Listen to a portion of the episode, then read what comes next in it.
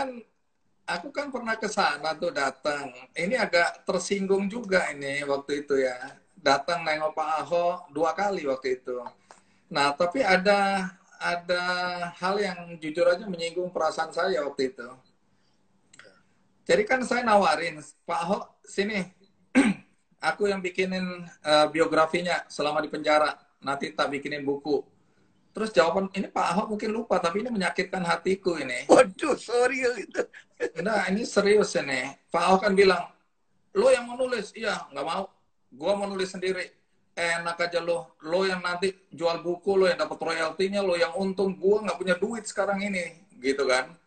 Nah, terus aku bilang, ah ini gue dikasih lukisan-lukisan juga. Aku bilang, sini, aku yang jualin, kita jual. Enggak, gue sekarang ngerti gue selama ini gue diundang di Kick Andy yang dapat duitnya Adino ya gue nggak ada apa-apa nggak mau. Sekarang gue nggak bodoh lagi. Sekarang gue mau cari duit. Itu serius atau bercanda itu? Ini klarifikasi nih.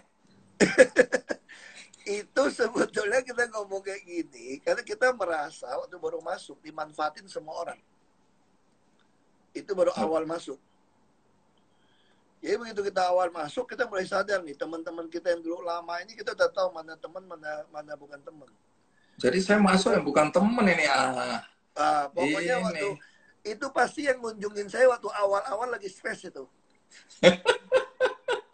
itu okay. pasti awal-awal baru masuk datang kunjungan pasti kena semprot. itu pasti. Okay. Ah, itu mohon maaf lah, itu mohon maaf. Jadi nasib itu ya. Saya dibilang salah sendiri. And... Begitu gua masuk dan datang kunjungin gua. Yang kunjungin gua setelah di akhir lebih baik tuh. Oke, okay. eh tapi ngomong-ngomong akhirnya buku itu kan jadi, tapi dijual mahal banget. Dijual berapa waktu itu ya? Sejuta. Sejuta. Buku apa? Emang hebatnya apa buku itu kok sampai dijual sampai satu oh, juta ya? Tahu. Hebatnya orang kasihan sama gua terus dia beli lah. Oke, okay. isinya apa itu buku? Itu orang yang tulis malahan pertama. 52 orang menulis. Ahok di mata mereka. Yang bedanya gue kasih koreografi, gue tulisin pesan mau ulang tahun, mau nikahan gitu. Kayak gitu doang. Oke, ya. Nah, ini kita lanjut ya, lompat dikit ini. Kelihatannya tiba-tiba ada yang tanya, bagaimana tuh rasanya Pak Ahok dalam usianya yang sekarang sudah 50 lebih, tahu-tahu punya bayi. Nah, gimana 54. rasanya? 54, oke. Okay. Temen aku juga nanya itu kan. Ya berasa kayak inget dulu kita sama anak nggak punya waktu. Ya sekarang kita bersyukur ada COVID. Ya bisa lihat anak betul-betul lihat dari dia mulai mau belajar makan, mau tangan, mau balik. Kita liatin terus tiap hari kalau dulu nggak sempat lihat, kita kerja kan keluar kota, keluar negeri. Nah ini gara-gara COVID work from home, jadi bisa lihat. Apalagi juga sekarang bisa olahraga juga kan. Umur berapa sekarang ya? Mau 54. Bukan, si kecil. Oh, si kecil nanti Juli tanggal 6, 6 bulan. Uh, saya cuma ngetes saja. Bapaknya inget nggak ulang tahunnya? Oh beratnya dia tahu kok udah 11 kilo. Wih. Oke, jadi rasanya pasti bahagia berarti ya? Yang pasti nggak ngerasain dia nangis atau ganti popok karena yang ngurus utinya, neneknya. Nah, itu yang ditanyakan kemudian. Apakah Pak Ahok sama seperti bapak-bapak yang lain yang ikut ngurusin anaknya kalau nangis tengah malam, ngasih susu, mandiin, nyuapin? Enggak. Dan ini Enggak. anak sangat anteng. Hampir nggak pernah nangis. Nangisnya itu, Ali kalau lagi ngantuk dikit terus di ngomongnya langsung diem. Disuntiknya cuma nangisnya cuma nggak, terus diem lagi. Anteng banget ini Oke. Nah, Pak Ahok, kita coba jawab ini ya. Uh, apa pertanyaan dari orang-orang ini? Dari High Res Res Reskif. Pak Ahok mau nyalon jadi presiden nggak nih? Tuh, kalau nyalon presiden bukan urusan saya, urusan partai politik ya. Oke, jadi itu aja jawabannya. Memang begitu kenyataannya. Kita Kalau mesti ditanya- belajar realistis juga kan. Ya, kalau ditanya keinginan pribadi ada atau tidak? Saya kira kalau semua orang politisi pengen jadi presiden kan, itu paling top kan. Anda ini ANS atau politisi? Saya profesional yang kerja di politik. Ya, ya kan? Jawaban apa itu? Saya profesional. Gimana? yang Ulang. kerja di bidang politik. Yang kerja di bidang politik. Iya. Jawaban nggak jelas itu. Nama juga orang politisi begitu ngambang, Oh, iya, iya. kanan kan. Kalau politisi selalu nggak jelas gitu ya. Sama katanya ada dua jenis orang jangan dipercaya, politisi sama tukang jual mobil bekas katanya. Emang apa beda? Apa apa persamaannya itu? Nggak jelas mana dempul nggak dempul tuh mobil bekasnya. Oke, ini sebenarnya pertanyaannya Rosa ini sama ya. Enakan jadi gubernur apa kerja di Pertamina sudah dijawab. Pak Ahok, apa tanggapan Pak Ahok tentang anak-anak muda yang jadi staf khusus eh yang mengisi posisi menteri? Bagaimana Anda melihat anak-anak muda yang jadi menteri ini Pak Ahok? Ya, saya kira bukan soal umur ya sebetulnya. Kadang saya suka bilang gitu sama anak muda nggak? Jangan orang menghina kamu karena kamu muda gitu loh. Justru kamu harus menunjukkan kamu punya akal budi, punya pengetahuan, punya hikmat lebih baik daripada orang yang menganggap dia tua. Tapi juga jangan juga menganggap orang tua itu gak guna. Jadi balik lagi ke karakter masing-masing. Hasil survei terakhir, yang jadi CEO bagus justru tahun 60-an, 70-an tahun. Nggak lebih pengalaman. Jadi sebetulnya zaman sekarang, bukan mengatakan kamu umur berapa sebetulnya. Karena kalau bilang pengetahuan zaman ini, semua orang bisa tanya sama Google. Kalau mau pengetahuan tinggal ketik aja, bisa keluar semua. Yang kita butuhkan saat ini adalah kamu tahu nggak memutuskan mana yang bisa kamu kerjakan dan mana nggak bisa kamu kerjakan. Mana yang kamu ubah, mana nggak bisa kamu ubah. Nah itu yang lebih penting kan. Oke, jadi bukan bicara tua muda ya. Iya orang muda juga belum tentu anda lebih hebat, yang tua juga belum tentu lebih hebat. Nah persoalannya sekarang adalah dengan informasi begitu banyak, begitu cepat, anda bisa nggak memilah dan memutuskan mana yang mau dilakukan. Jadi bukan soal umur sekarang sebetulnya gitu. Soal anda punya wisdom untuk mengatakan mana yes or no. Itu yang penting. Dan anda punya keberanian Ber- berdiri ketika tahu ini kebenaran, kamu berani nggak berdiri untuk kebenaran, keadilan dan kejujuran. Banyak orang hari ini dengan situasi sosmed begitu besar, kita mulai hidup mengimpress other gitu loh. Itu yang bahaya, saya katakan. Ya kita hidup ini bukan pencitraan. Anda harus berani berbuat apa saja dan berani bisa jelaskan kenapa Anda pilih itu. Hari ini kita sering dibuat takut.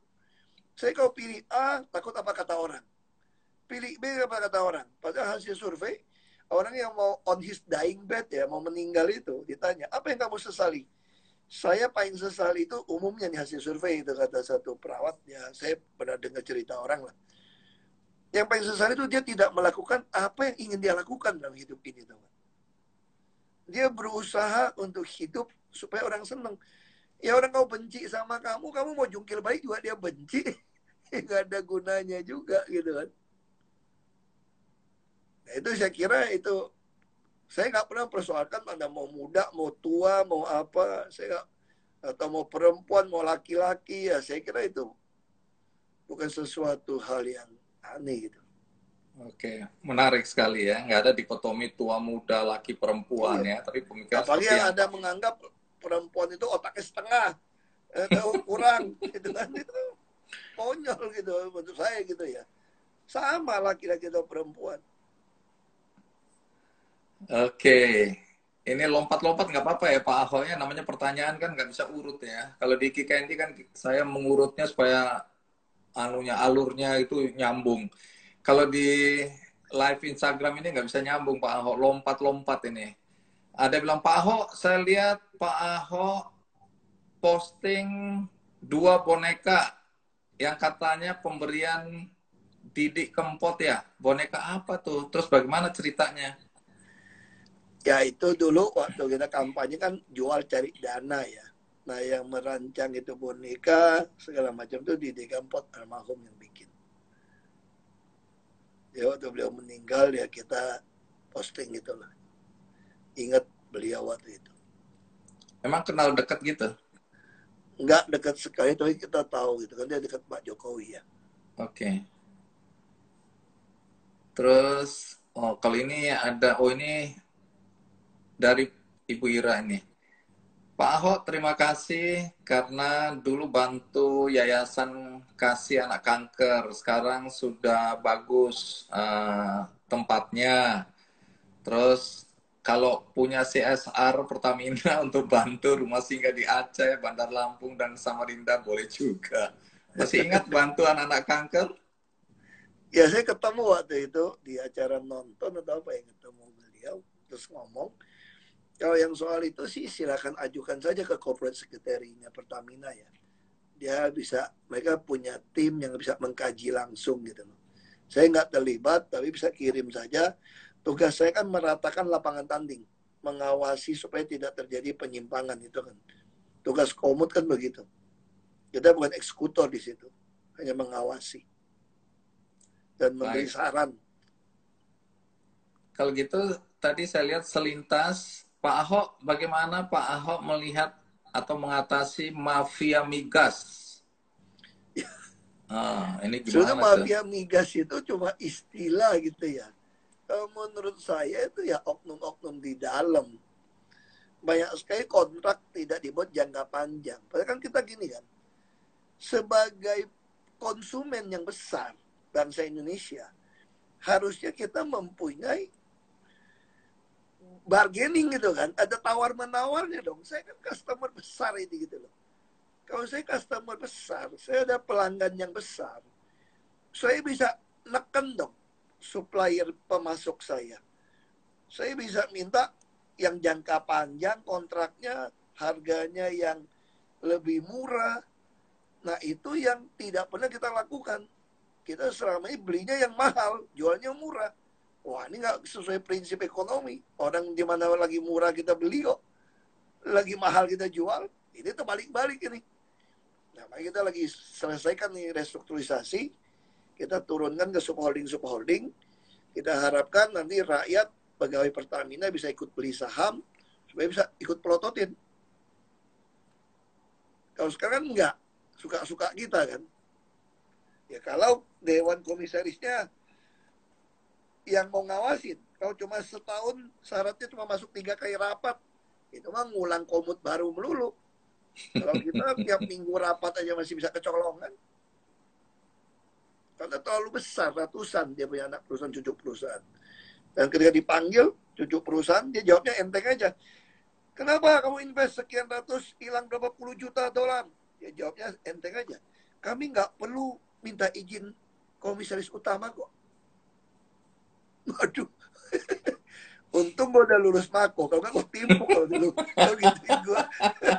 jangan, jangan. Nanti masuk mako lagi. Oke, jadi seperti itu kondisinya ya.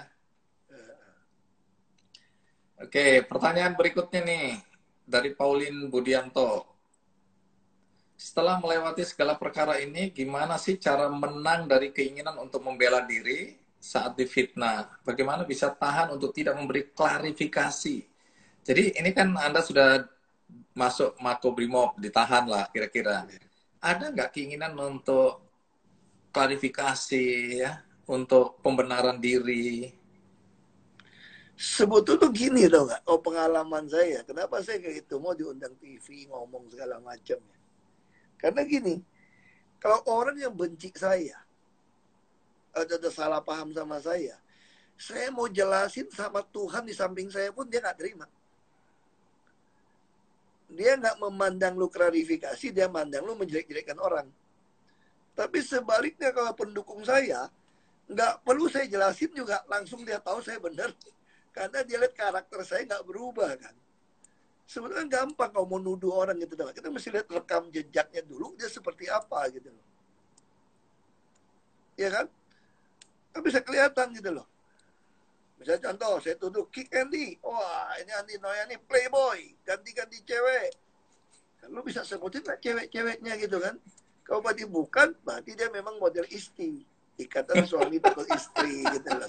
Kenapa contohnya itu ya kan banyak contoh lain itu. Ya karena gue sengaja aja ngerjain. Tapi tadi langsung nyekak gue. Orang lagi stres. Datang. Oke, ini kita pecahkan rekor hari ini nih. Uh, yang ngikutin acara ini sampai 7.429 Pak Ahok. Jadi selama saya live ini belum pernah mencapai rekor seperti ini. Kemarin rekor tertinggi dipegang oleh Ibu Susi, 3.200. Ini dua kali lipatnya. Ini ini termasuk yang musuhin Pak Ahok pasti nonton. Sebentar ya. Oh, ini ada yang sudah bocor ini Pak Ahok. Katanya Pak Ahok mau melelang barang-barang kenangan. Barang-barang apa yang mau dilelang Pak Ahok? Ini di mana bocornya ini ya? Ini okay. sama benihbaik.com. ya Mr. Aminoya. Coba coba ini udah terlanjur bocor ini kita jelasin aja. Jadi ini barang-barangnya Pak Ahok mau dilelang. Barang-barang apa? Jadi kan gini, waktu dulu kan saya memang suka promosi pakai batik ya. Dan beberapa UMKM dari Solo, dari apa. Sebetulnya yang ngajarin juga saya Pak Jokowi. Dia bilang kita harus dukung batik itu walaupun kita beli mahal karena kan kalau beli baju merek sama batik terus batik kan mahal sebetulnya gitu loh kalau yang bagus kita mesti menghargai para seniman ini ya sudah saya mulai beli batik dan saya pakai batik buat batik bantu UMKM nah kebetulan waktu sidang kan memang saya sering pakai batik di luar kan. Ada yang punya usul kenapa nggak bikin seri di lelang baju-baju batik itu? Itu kan baju batik yang berarti banyak. Nah terus kita bilang tadi cari waktu tepatnya kapan ya? Kita lagi pikir terus ke luar negeri kemarin. Eh pas Pak Andi kan ngajakin benihbaik.com lelang barang apa aja gitu loh terus saya hmm. ingat nih ini ada yayasan BTP yang dipegang teman-teman uh, Pak Ayudia, Meli, Bu Meliana untuk aplikasi jangkau kan kita lagi bantu COVID. Saya saya udah kasihkan kepada beliau-beliau itu. Saya tanya eh mau nggak gabung sama benihbaik.com ngomongnya katanya senang. Ya udah jadi kita bikin lelang lah. Apa istimewanya? Tadi kan dibilang bahwa ini Pak Jokowi yang tanda kutip ngajarin bagaimana kita menghargai ya eh, batik-batik uh, karya atau kreasi dari UMKM atau desainer-desainer Indonesia gitu ya. Lalu ya ini kalau kita nilai barangnya sendiri aja ya pasti Bagus. Ini batik tulis ya? Batik tulis katun semua. Nah, nah itu kan bagus. Tapi apa, apa nilai tambahnya batik ini? Nilai tambahnya kan itu kan semua ada fotonya di media. Karena ke sidang-sidang kan kelihatan fotonya. Sampai oh, ini yang dipakai waktu sidang. Juga ada.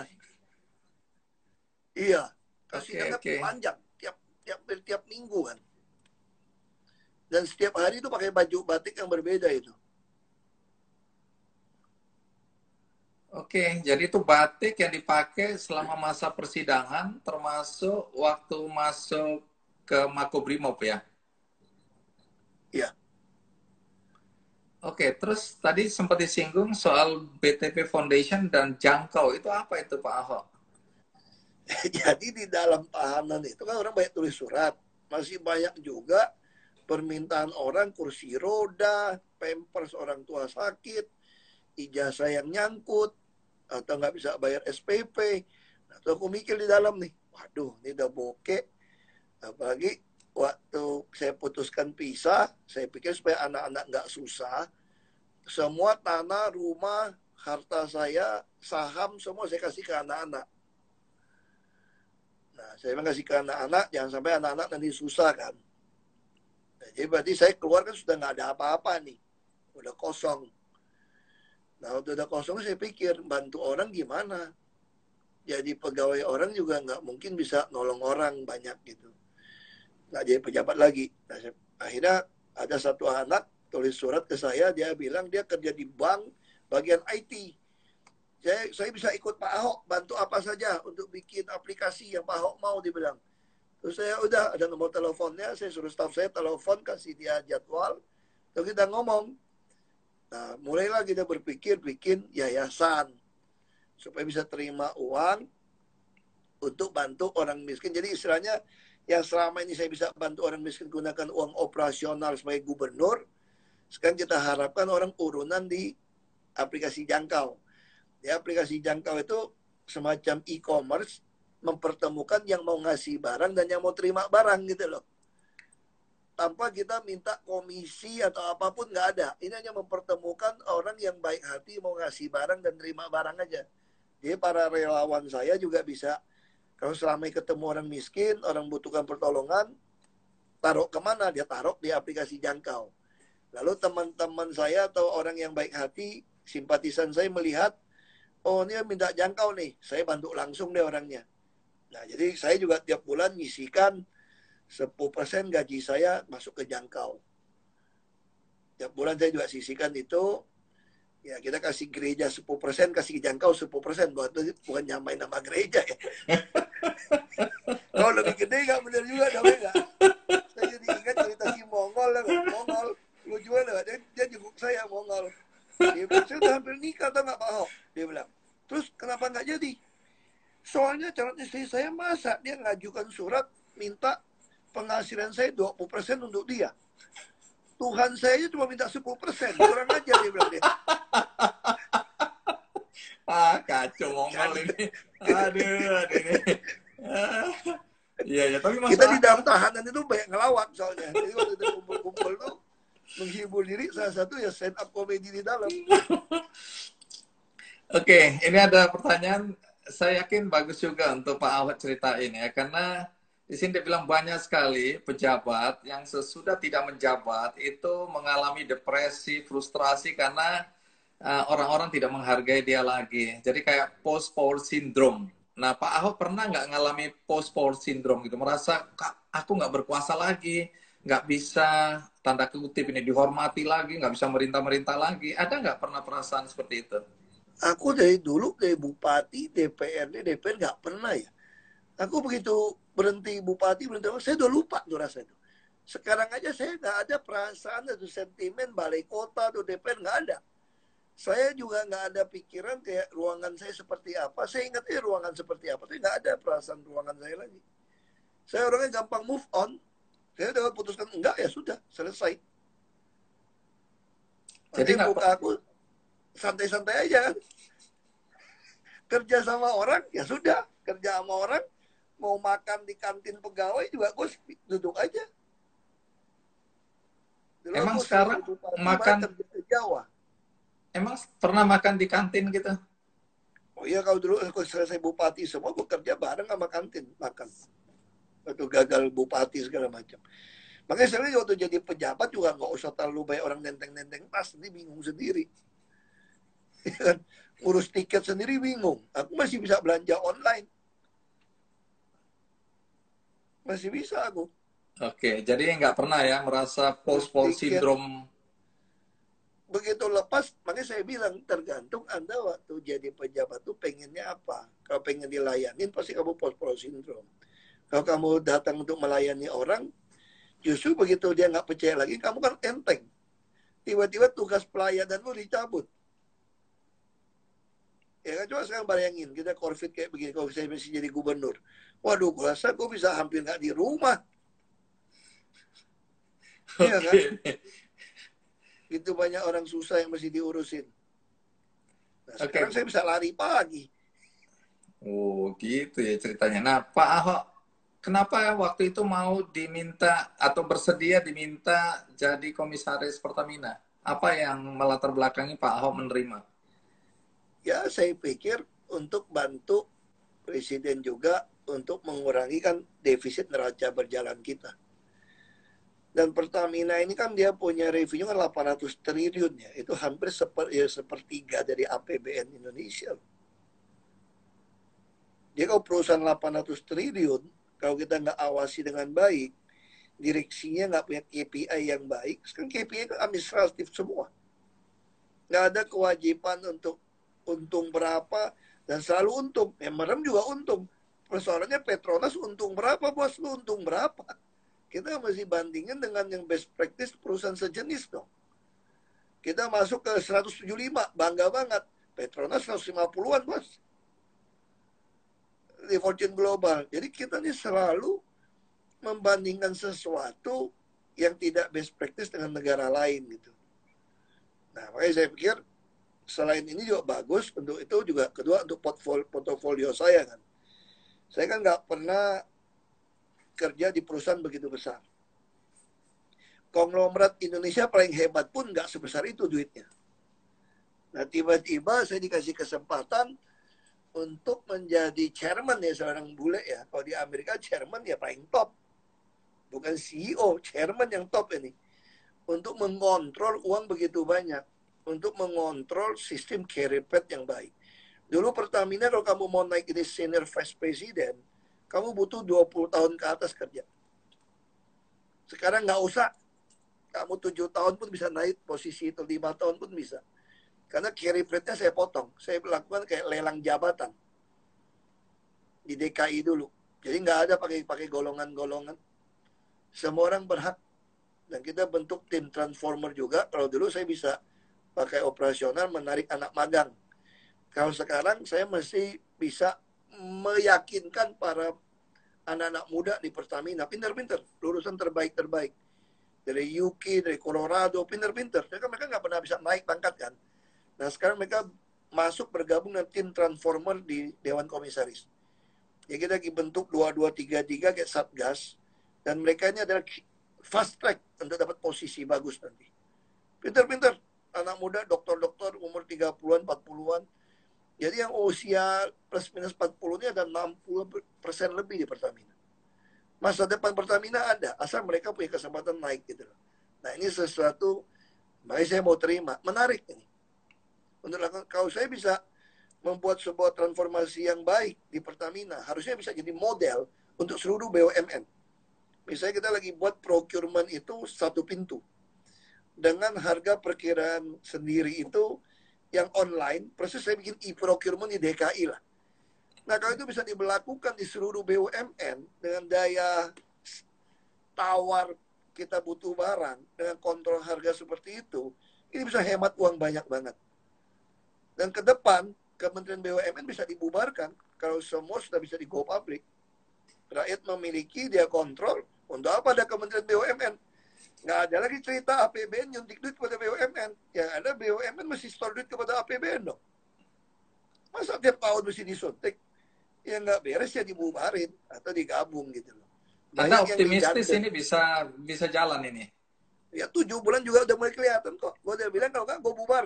Gue berhenti nih gue bilang nih.